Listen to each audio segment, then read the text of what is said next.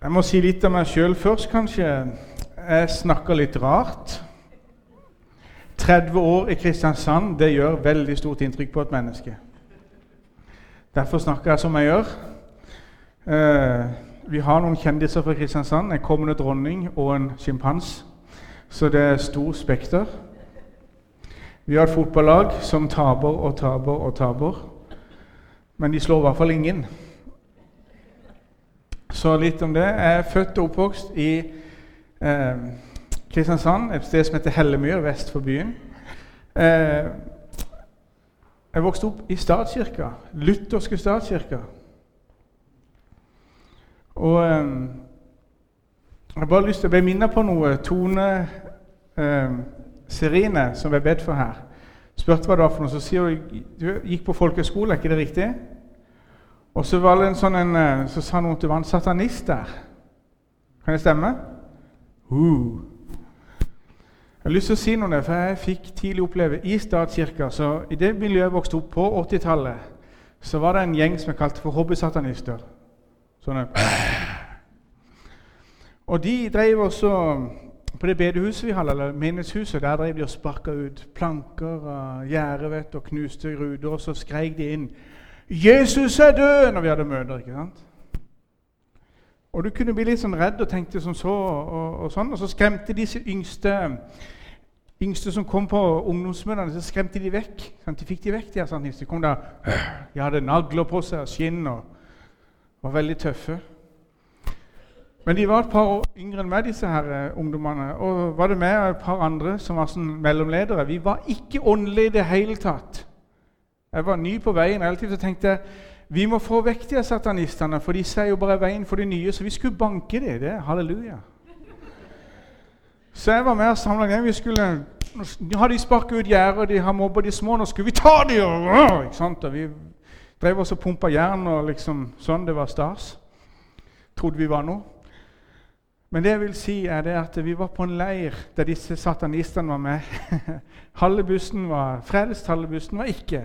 Vi var en, jeg eh, tror vi var en 60 ungdommer på tur. Dette er Sørlandet bibelbelte, så det er sånne ting mulig. Og um, Vi var til Bømlo. Og Da fikk jeg oppleve noe som var større enn å banke de satanistene. For dette, det var, Før vi reiste på tur, så, dro, så hadde disse lederne engasjert alle beste foreldre, alle beste mødre, eh, familie, onkler og tanter som var frelst, og sa be for turen. Dette hadde de gjort et halvt år i forveien. Så de ropte til Jesus. 'Herre, må du være med dem på den turen.' 'Herre Jesus.' Det er sånn de ber lutheranerne på sånn ber det. 'Å, kjære Jesus.' Vet du noe Gud hører all bønn. Det kom fra hjertet.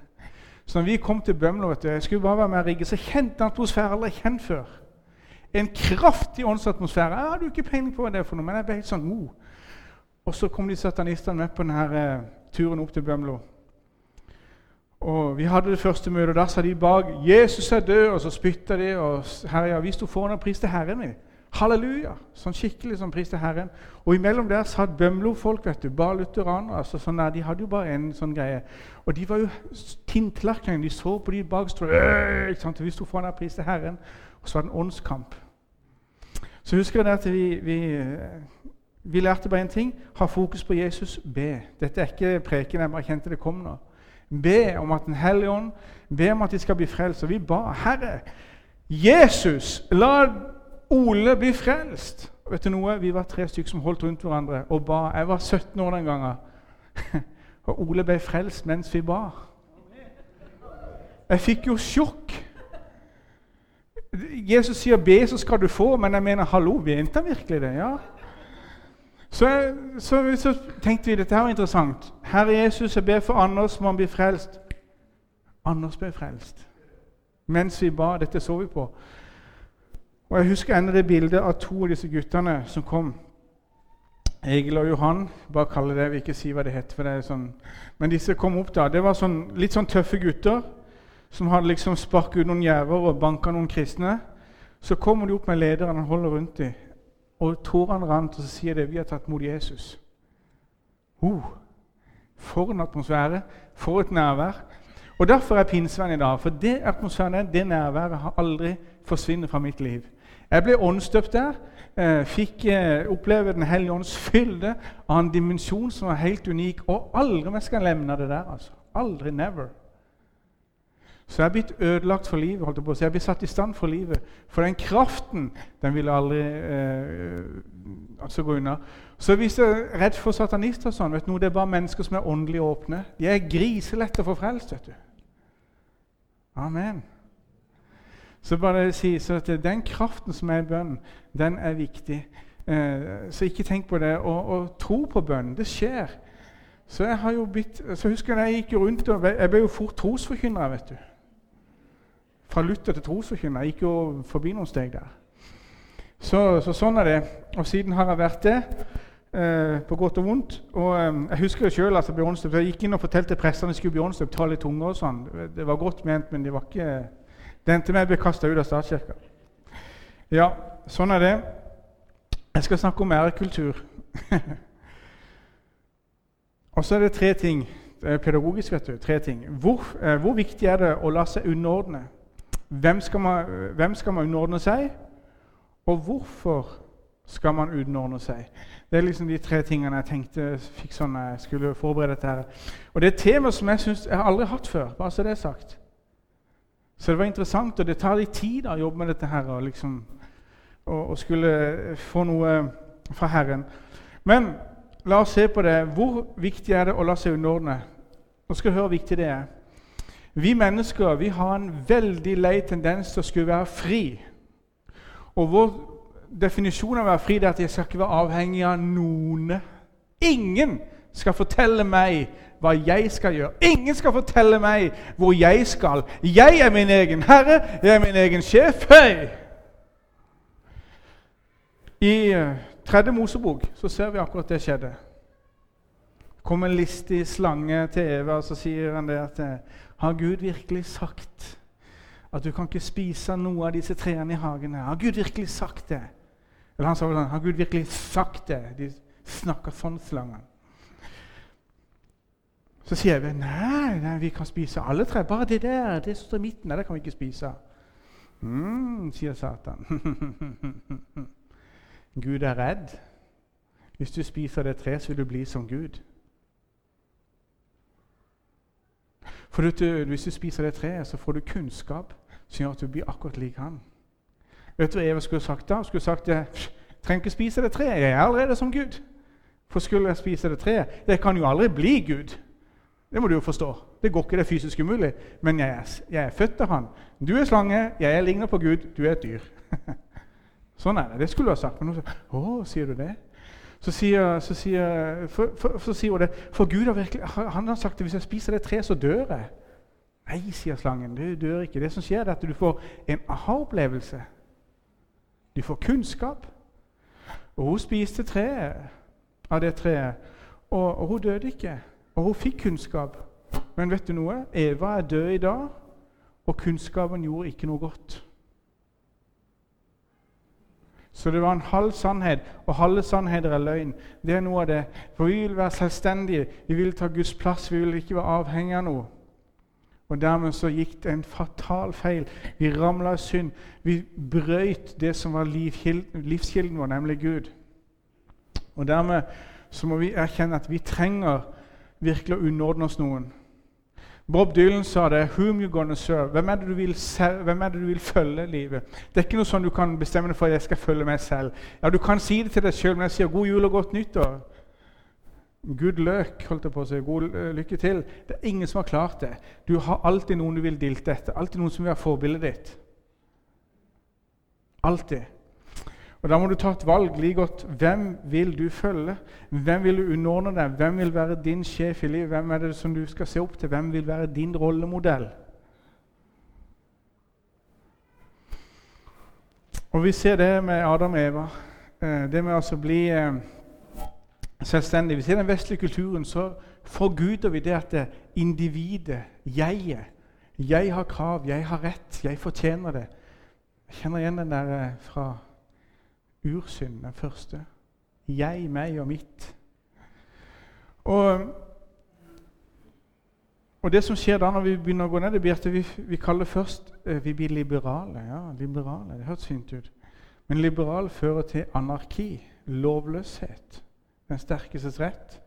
Men det begynner forsiktig. Liberal. ikke sant? Litt sånn, Få lov til tinga. Må ikke være så streng. og alt sånt. Gud har aldri tenkt å være streng. Han er bare god. Legg merke til, Han er bare god. Så hvem skal han underordne seg? Og da har jeg sagt, jeg kan si det med en gang, det er ikke noe å skjule Jesus Kristus skal vi underordne oss.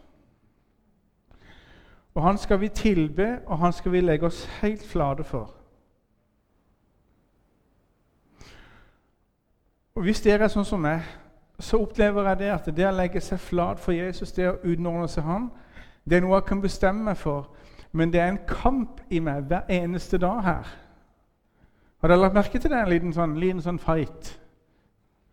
Altså Det er veldig ofte at det Jesus sier, og det jeg vil, ikke hører sammen. Og Jeg kjenner veldig godt når, når jeg blir gretten og sur og blodsukkeret er lavt, da er det lite hellig ånd og mye kjøtt og flesk, og det lukter jo bacon lang vei. vet du. Og Da kjenner jeg jeg må ydmyke meg innenfor Herren. Jeg må si, 'Kjære himmelske Far, unnskyld at jeg har en sånn en oppførsel.' 'Unnskyld at jeg kan tenke og gjøre sånn, Herre.' Må du rense meg. Jeg legger meg flat, Herre. La oss legge oss flat for Herren. Og, eh, men det er noe i meg som sier du skal ikke, du har krav, du har rett. Og eh, Som pastor så er du en åndelig leder, og du, vi har krav på respekt, faktisk, vi åndelige ledere. Møtte noe hva Jesus sier til oss som åndelige ledere, vi som er pastor. Han sier når vi blir godt, altså når urett blir begått mot oss, så sier Gud Se på Jesus. Han sa ingenting, han forsvarte seg ikke. Det samme skal du gjøre. Gjett om jeg syns det er lett, da. Når folk begynner å anklage deg for noe som du kjenner at det Og så sier Jesus, 'Tystna nu', Så skal jeg stride for deg. Det er svensk. Det, er sånn, høres mer sånn salig ut. da så skal jeg stride for deg. Og jeg kjenner noen ganger det koker inni meg. Ja, men Og noen ganger så, så sprekker toneøya, så det går av skogen. Men jeg får nåde hos Gud. Men jeg har lært de gangene jeg har klart å tie og stole på Gud, for det er noe jeg må lære meg, Unnåde med Han, så har jeg skjønt det i ettertid jeg ser tilbake Utrolig smart det var å stole på Herren. Utrolig lurt det var å gå på det han hadde. Utrolig intelligent han er i forhold til meg, og utrolig flink han til å løse problemer i forhold til meg. Han er suveren. Og jeg kan tro at jeg er suveren, men jeg er jo bare en amatør. Men utrolig mye lærere ligger unna Jesus. Legg deg under han. Han vil gjøre det. Han vil lage en vei for oss som er ganglig. Jeg skal lese Matteus 7 uh, Matteus kapittel 7, vers 24-27. Uh, eh, der står det Vær den som hører disse mine ord og gjør, etter, eh, og gjør det det sier, ligner en klok mann som bygde huset på fjell. Regnet styrtet, elvene flommet, vinden blåste og slo mot huset. Men det falt ikke, for det var bygd på fjell. Hver den som hører disse mine ord og ikke gjør et, det de sier, ligner en uforstandig mann som bygde huset sitt på sand. Regnet styrtet, elvene flommet, og vinden blåste og slo mot huset. Fall, da falt det, og fallet var stort. Og Utfordringa her Jesus sier det at eh, ja, vi alle her inne, de fleste her Jeg kjenner jo ikke alle her, men jeg vil tro de fleste her tror på Jesus. Har tatt imot Jesus. Og Utfordringa for oss som er kristne, det er Stoler vi på Gud når det koster oss noe? Nå går jeg ut av sonen Stoler jeg på Gud når det koster oss noe? Tør jeg stå for det når vi er utenfor disse veggene? Når vi er i en setting der det er kleint, det er vanskelig, det er litt flaut kanskje, eller kanskje du er redd? Tør vi da å, å stole på dette ordet? Altså, der har jeg kjent noen ganger at det er vanskelig, det kan noen ganger bli kleint, det kan noen ganger bli tøft å stå og si at jeg tror på Guds ord. Du kan bli sett på som litt naiv. Jeg husker jeg var militær, og så hadde jeg en kjæreste, og så sier de ja, 'Du har ikke ligget med dama di, du?' Nei, sier jeg, jeg har ikke det. Og De så, de så på meg som jeg var en sånn evneveik sak. sak vet du? Så sier han en hun er sikkert forferdelig å se på, så viser jeg bilder. Og i Hekkfjell, sa han. Er det mulig? Så klarer du å stå mot det der, sa han. Nei, jeg har prinsipp, sier jeg. Jeg har en Gud som passer på meg. Vet du noe? Han fyren som jeg snakka med der, han var sånn som han syntes var veldig kult også, å ha damer i hver by. Så hadde han en kjæreste hjemme i Nordland, og så hadde han jenter rundt. Så sa jeg vet du noe, jeg er drittlei av å høre på alle de jentehistoriene dine. Like før ringer så dama di der oppe og sier hva du holder på med. Du er helt slukt og mørkt i huet. Han var nordlending, sa. Du, jeg liker deg! Du er den eneste som tør å si hva du mener. Så vi ble jo kjempekompiser. Han sa du bryr deg jo om meg. Den andre bare syns ja, det er så kult, men du tør jo å stå for noe. Jeg fikk jo sjokk. Jeg tror det nå jeg veldig upopulær, men det skjedde motsatte. Noen ganger kan Gud overraske litt. Så det er to dimensjoner jeg vil ha med dette her. Med, med det, her. Det, det, det, ene er når vi står på Guds ord og tør å, å stole på spesielt Jesus som frelser, eneste veien til frelser. Vi vil oppleve i livet at det livets stormer kommer mot oss. Du vil oppleve fæle ting. Jeg er trosforkynner tror på et herlig liv og tror på himmelen på jord. Men jeg ser også realistisk på livet. Vi skal en dag dø herfra hvis ikke Herren kommer og henter oss. Og døden er ingen sånn enkel og sånn, ja, Den tar vi lett på. Det er, det, altså det er to ting ikke vi kan unngå her på jorda. Det ene er døden, og det andre betaler skatt. Og Begge deler unngår vi så godt vi kan. Men det å stole på Herren det er at når livet stormer kommer mot oss Det kan være sykdom, det kan være økonomisk, det kan være ekteskapelig, det kan være jobbmessig, eh, det kan være eksistensielle spørsmål. Disse stormene kommer. Har vi da vår plante på evangeliet, på Guds tro, så vil oppleve en ting Sånn som når jeg har møtt livets stormer Jeg opplevde å miste min pappa da jeg jeg var 14 år. Og det er veldig forferdelig for en 14-åring å miste pappaen sin. Han var en god far, han var tryggheten, han var, han var fundamentet i livet mitt. Var han vekk. Hjerteinfarkt, bang. Og da liksom altså, hva, hva, hva, hva, skal jeg nå stole på? Og Da følte jeg en tanke kom. Jesus kom til meg og sier han, 'Vil du se pappaen din igjen?' Utrolig teit spørsmål, egentlig. Men Han spurte også om blinden hva vil jeg skal gjøre for deg. Nei, jeg kunne gjerne tenkt meg å få 100 kroner. Nei, altså, Han ville få syn igjen. Jeg ville se pappaen igjen. Og så sa jeg jeg vil se pappa igjen. Så sier Jesus, 'Kom og følg meg.' Så skal du få se pappaen din igjen. Og det blir reelt for meg. Og Da valgte jeg å stå på han, for da skjedde noe med meg òg. Sorgen og det som var vondt det bare, Sorgen forsvant ikke, men apatismen og det her grusomme forsvant. Så fikk jeg lov til å få en vanlig sorgopplevelse. Sånn skjedde det. Jeg kjente wow, du er, som, du er en Gud som virkelig gjør noe her. 14 år. Og så tenkte jeg han skal jeg følge. Og så Han ville også stole på det ordet han sier, for det, dette her funker jo. Og så møtte jeg jo noe som holdt i stormen. Og så sier de at når du møter livet i stormen, så sier de du kan komme ned i kjelleren. altså vi sier Du kommer veldig dyp depresjon. Jeg skal love deg en ting, Hvis du står på Guds ord, så kan du bare glemme den kjelleren. Vet du hvorfor? For du står på fjellgrunn. Så du kommer ned på fjellgrunnen. Og ja, du får sorg, du kjenner smerten, men du kommer ikke under jorda, for der er Jesus. For du står på noen, har noen verdier som tåler all slags vær. Et eksempel på det når disiplene de er i Kapernaum, og så sier Jesus det at vi skal opp på andre sida, hedningesida Genesaretsjøen. Ja, de hopper opp med båten og er på vei over. Og så stormer det. Jeg har vært på Genesasjøen i sånn storm når du kommer østifra. Det er helt kaos i den lille dammen der. Altså, de, de, bølgene er helt ville. Og de kommer ikke sånn som på sjøen at de er regelmessige. Nei, de kommer i alle retninger. Helt, det er bare et kaos. Så dette, de ble redde i den robåten. De ble livredde. Og der ligger Jesus og sover. Kan du tenke deg? Er det mulig? Så våkner du. Vi går under.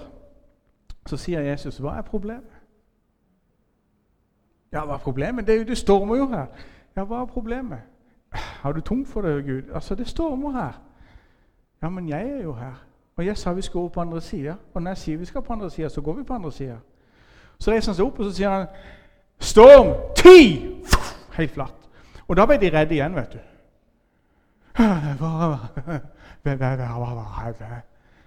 Hvem var han, liksom? Han bare sier 'hold kjeft'. og så... En gang gikk han på vann, og da ble de også redde, for de trodde det var spøkelse. Så uansett hva Jesus gjorde, så ble de redde. Men han viste noe. 'Stol på meg, jeg har kontroll. Meg gitt all makt i himmel og på jord', sier Jesus. Og det, det, kan vi tro på, og vi kan vise ham respekt med å gjøre det han sier. Det å gå på Guds ord, det er å gjøre det han sier. Gjør det Jesus forteller oss vi skal gjøre.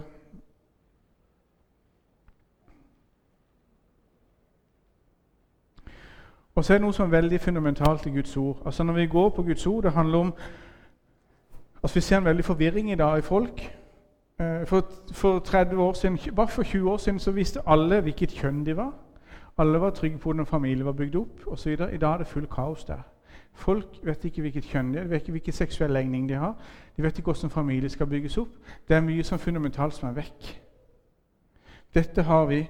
Og folk som mister dette, får det vondt og vanskelig. Vi skal ikke fordømme det. Vi skal fortelle det i veien, så de kan få bli lekt og helbreda og komme inn i Gud har for det. Amen.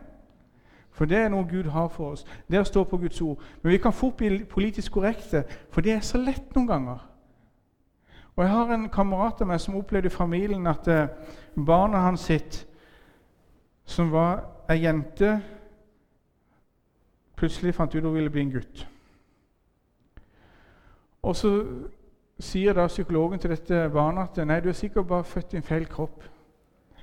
Og han, Kameraten min da, som er frelst og, og, og er åndelig leder, og alt mulig, han tenkte ja, dette er logisk ut. det er sikkert riktig. Men det, i Guds ord er det ingen som er født i feil kropp. Du, du, er født som du skal være. Gud har en plan for deg. Du, du er perfekt, du er elska, du, du, er nydelig i hans øyne. Det er sannheten. Så, men jeg gikk på kompromiss med Guds ord, og sånn, og vedkommende skifta kjønn. Og alt sånn, og så plutselig gikk det opp for han. Det ble ikke noe bedre. Og så sa han til meg når det gjelder det med å gå på kompromiss med Guds ord, kanskje med seksuell legning og sånn Det er kanskje lett å bli litt sånn ja, snill og skal være god. For det er godt ment. ikke sant? Vi ønsker ikke å støte noen vekk. Vi ønsker ikke at noen skal ha det vondt. For det, ikke, det ligger i vår natur som kristne at alle skal ha det godt. Og det er en god tanke, og det er riktig. Men han sa det med å gå på kompromiss med Guds ord, så tok jeg fra mitt barn retten til å bli helbreda. Wow! Jeg tok fra mitt barn retten til å bli reist opp i den standen. Så sa han nå har jeg lært jeg skal aldri mer gå på kompromiss med Guds ord. Jeg skal stå fast og underordne meg det som Gud har sagt, under alle omstendigheter. Selv om det ser mørkt ut der og da, og du blir kanskje pep ut, og vi kan ikke risikere å bli forfulgt, som de første kristne ble. Og En annen ting som er viktig, som kommer nå tida, det er at vi, jeg sier rett ut det fins bare én vei til himmelen, og det er gjennom Jesus. Alle andre veier går du fortapt.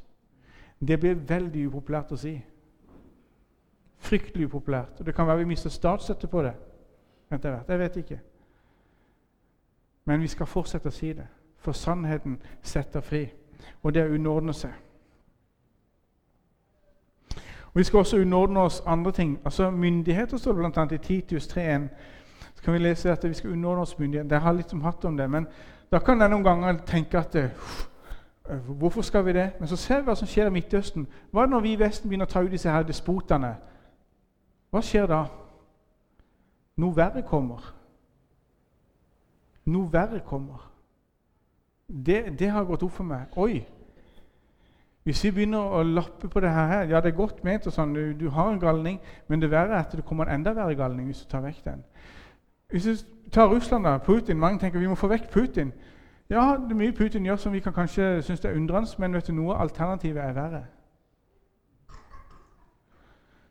Altså, Vi må ha respekt. Og Det betyr ikke at du skal være enig i det de gjør. Det er ikke det det handler om.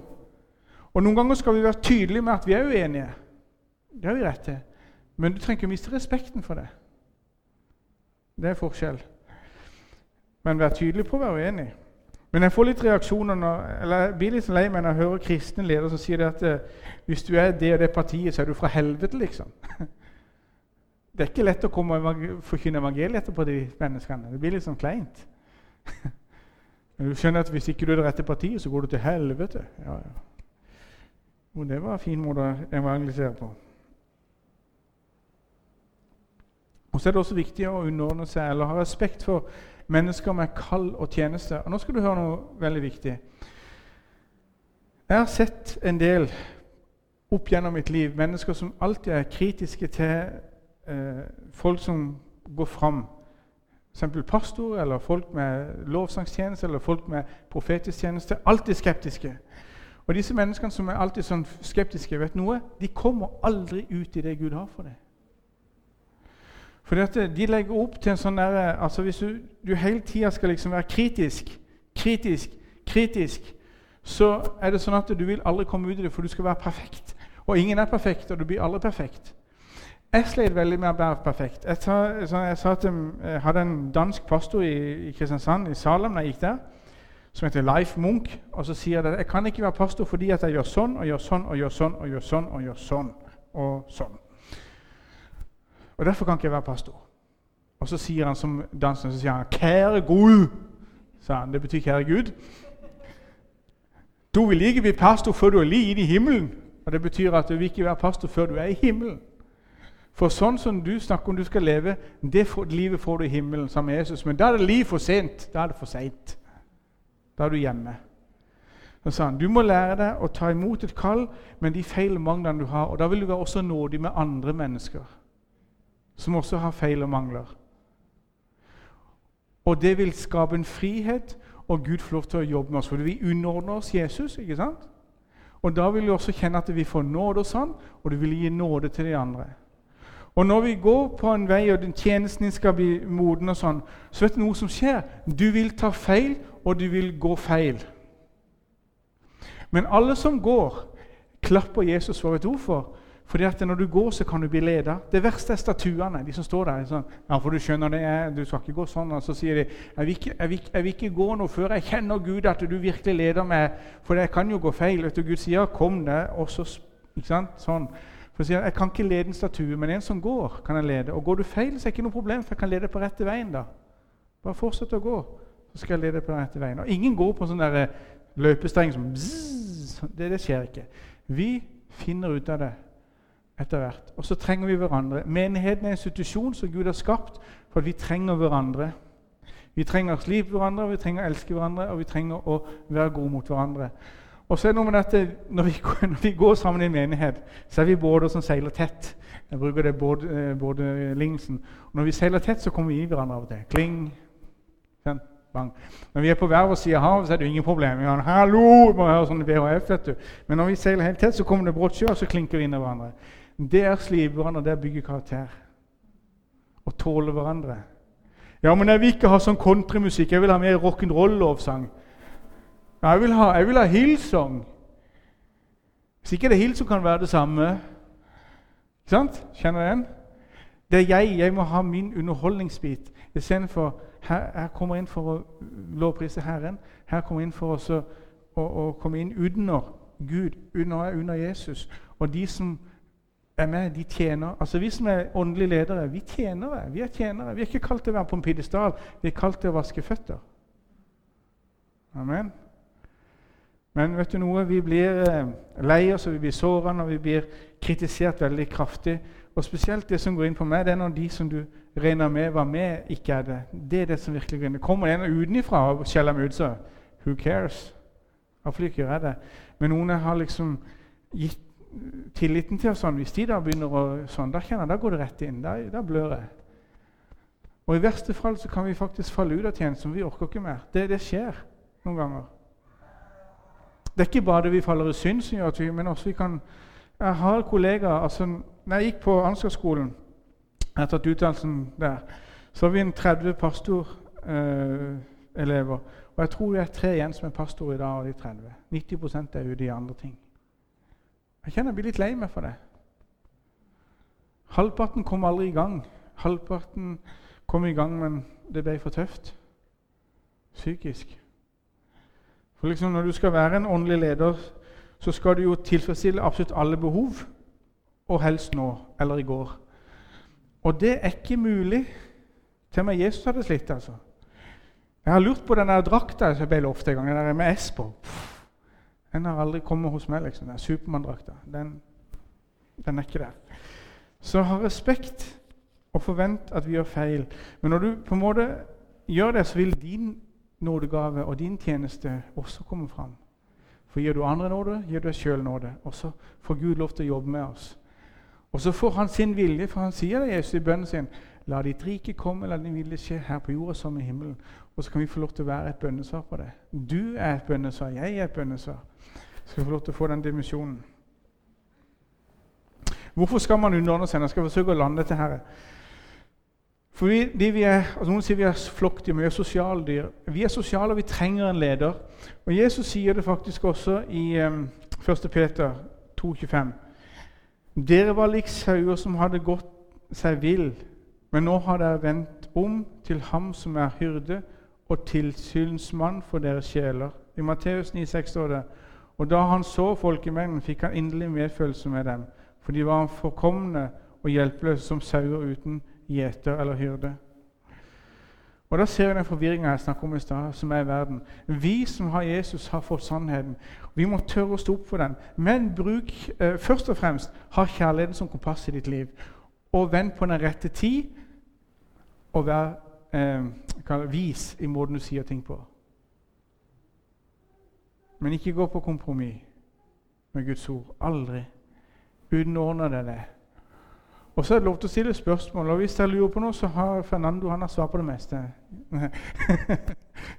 men, men, men, gå til, til lederne, gå sammen og prat sammen. Og kanskje også ha cellegruppe eller life-gruppe eller eh, sånn dere kan prate om disse tingene. For det trenger vi. Og, for det er vanskelige spørsmål. Vi blir utfordra av Guds ord. Utfordrer meg. Jeg kjenner det, det, Noen ganger så kan jeg kjenne det, det her skjønner jeg ikke noe av. Og det kjenner vi alle på.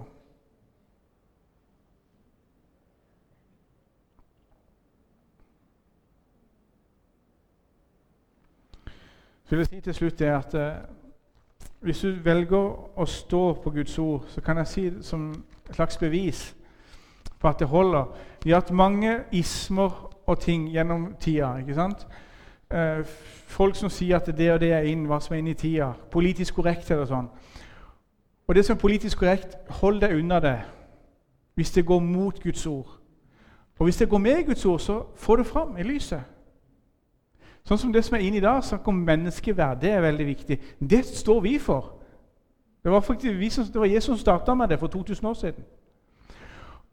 Og så vil jeg si det at eh, Vi ser at Guds ord har holdt alle ismer og teologi eller tankesett og, og, og, og, tull og tøys. I 2000 år har det holdt fram med det faste, samme evangeliet. I 2000 år har det holdt.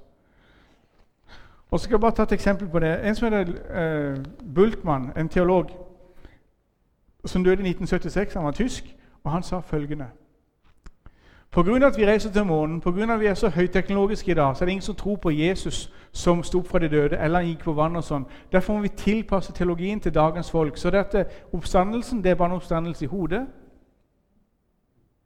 Og Jesus gikk på vannet, det er en bilde på noe han vil ha fram. Kort fortalt. Det lærte jeg på teologien. På Handelshøyskolen lærte du at sånn skulle du ikke tro, men det er det de lærer. Så ser vi i dag, i 2018, at mennesker tror jo på spøkelser å være bak en busk. Og det er jo hjemsøkte hus, og det er jo åndens makt, you name it. Det så ikke han for seg. Og så, så sier folk til meg tror du Jesus gikk på vannet. Ja, han, er, han, har skapt hele verden, og vanskelig kan det være for han å gå på vannet. Fra 1 til 10. Det er vel like vanskelig som å gå på asfalt. Men for oss som mennesker er det litt underlig. Men han kan noen ting som vi kan. Han er ingeniøren. Så vit dette. Når du står på Guds ord, så har du en 2000 år gammel his, eh, historie og fakta. Og moderne vitenskapsmenn de begynner å undersøke jorda og de begynner å undersøke arkeologien. og sånn, Så ser de Guds ord som historiebok, så sier de her stemmer det så mye, så dette er skremmende sant. Det som ligger bak dette Gud må finnes. Og det var en som, spør, som sa til kong, var det kong Oscar het den engelske kongen før Elisabeth var nå, som sa på slutten av 1800-tallet til biskopen i, i, London der, så sier han Kan du si et bevis på at Gud fins, er kort? Så sier han tenker litt, ja, jødefolket. Så gikk han. Kan du forklare hvorfor det folket har overlevd uten nasjon i så mange år og bevare kulturen? Det er fysisk umulig, sa han. Den kulturen som har klart det lengst, er 400 år. Og så bare forsvant de. Våre norsk-amerikanere som er borte i USA, der, de, de, kan si 'tusen takk, god jul'. Det er alt. Ellers har de ikke peiling på Norge. De tror Norge er hovedstaden i Sverige og sånn. ikke sant? Så det er liksom, De er på det nivået der. Og det er andre generasjon. Mens de vet enda hvem de tror på i 2000 år. Så det er et bevis. Så, så hold fast. Så vi skal utnåne oss Gud og Jesus og hverandre, elske hverandre fordi han har sagt det, og fordi det gjør noe godt med oss. Det er litt egoistisk òg, det her. Du vil få det godt med deg sjøl. Og du vil få bevart i troen, og du vil bli bevart inntil Jesus kommer eller du kommer hjem. Og så vil du også oppleve det at eh, når det kommer masse disse fake news-tider, der masse forskjellig kommer inn, så vil du ha bestemt deg for at jeg tror på Jesus, og jeg har noen retningslinjer. Og når det vi lærer, ikke følger med med Guds ord, så bare høflig Nei, det velger jeg vekk. Det velger jeg vekk. Det velger jeg vekk. Og En som var i Misjonskirka i, i, i, eh, i Larvik under andre verdenskrig, da den starta, så var det veldig kaos. Det var ikke så opplagt som det da. når vi ser ettertid. Det var sånn, ja, Var tyskerne gode eller onde? Eh, ville de hjelpe oss, eller ville de ikke? Skulle de redde oss fra engelskmennene, eller var de, hva var det for noe som skjedde? Så spurte han hva sier tyskere om jødene. Nei, de hater det, og de vil ha det vekk. Da er det onde. La det gå. Hva sier de om Jesus? Nei, vil tror på ham, men de vil ikke ha noen sånn aktiv kirke. Da er det onde. La det gå. Han satt Guds ord og kjente det. Dermed kunne du avsløre mye av dette her fake news-greiene. Skal vi be sammen? Himmelske Far, takker deg for at vi kan underordne oss deg og vite det at når vi underordner oss deg, så blir vi bevart her, og vi blir elska her, og vi blir eh, lede på den rette vei i alle ting, Herre. Nå ber jeg Herre om at du må hjelpe oss Herre, til å kunne ha fokus på det, og hjelpe oss til å kunne avsløre alle de lærerne og ismene det som kommer, det som er politisk korrekt. og sånn her. Hjelp oss til å kunne eh, sortere ut hva som er rett galt i denne jungelen. Herre. Og når vi går feil, og når vi tramper feil her, så hjelp oss til å komme på sporet igjen. Det ber vi i Jesu navn. Takker deg for din nåde. Takker deg for din nåde en ny hver dag. Og takker deg for du elsker oss høyt, at du ga deg sjøl for oss. Amen. Amen.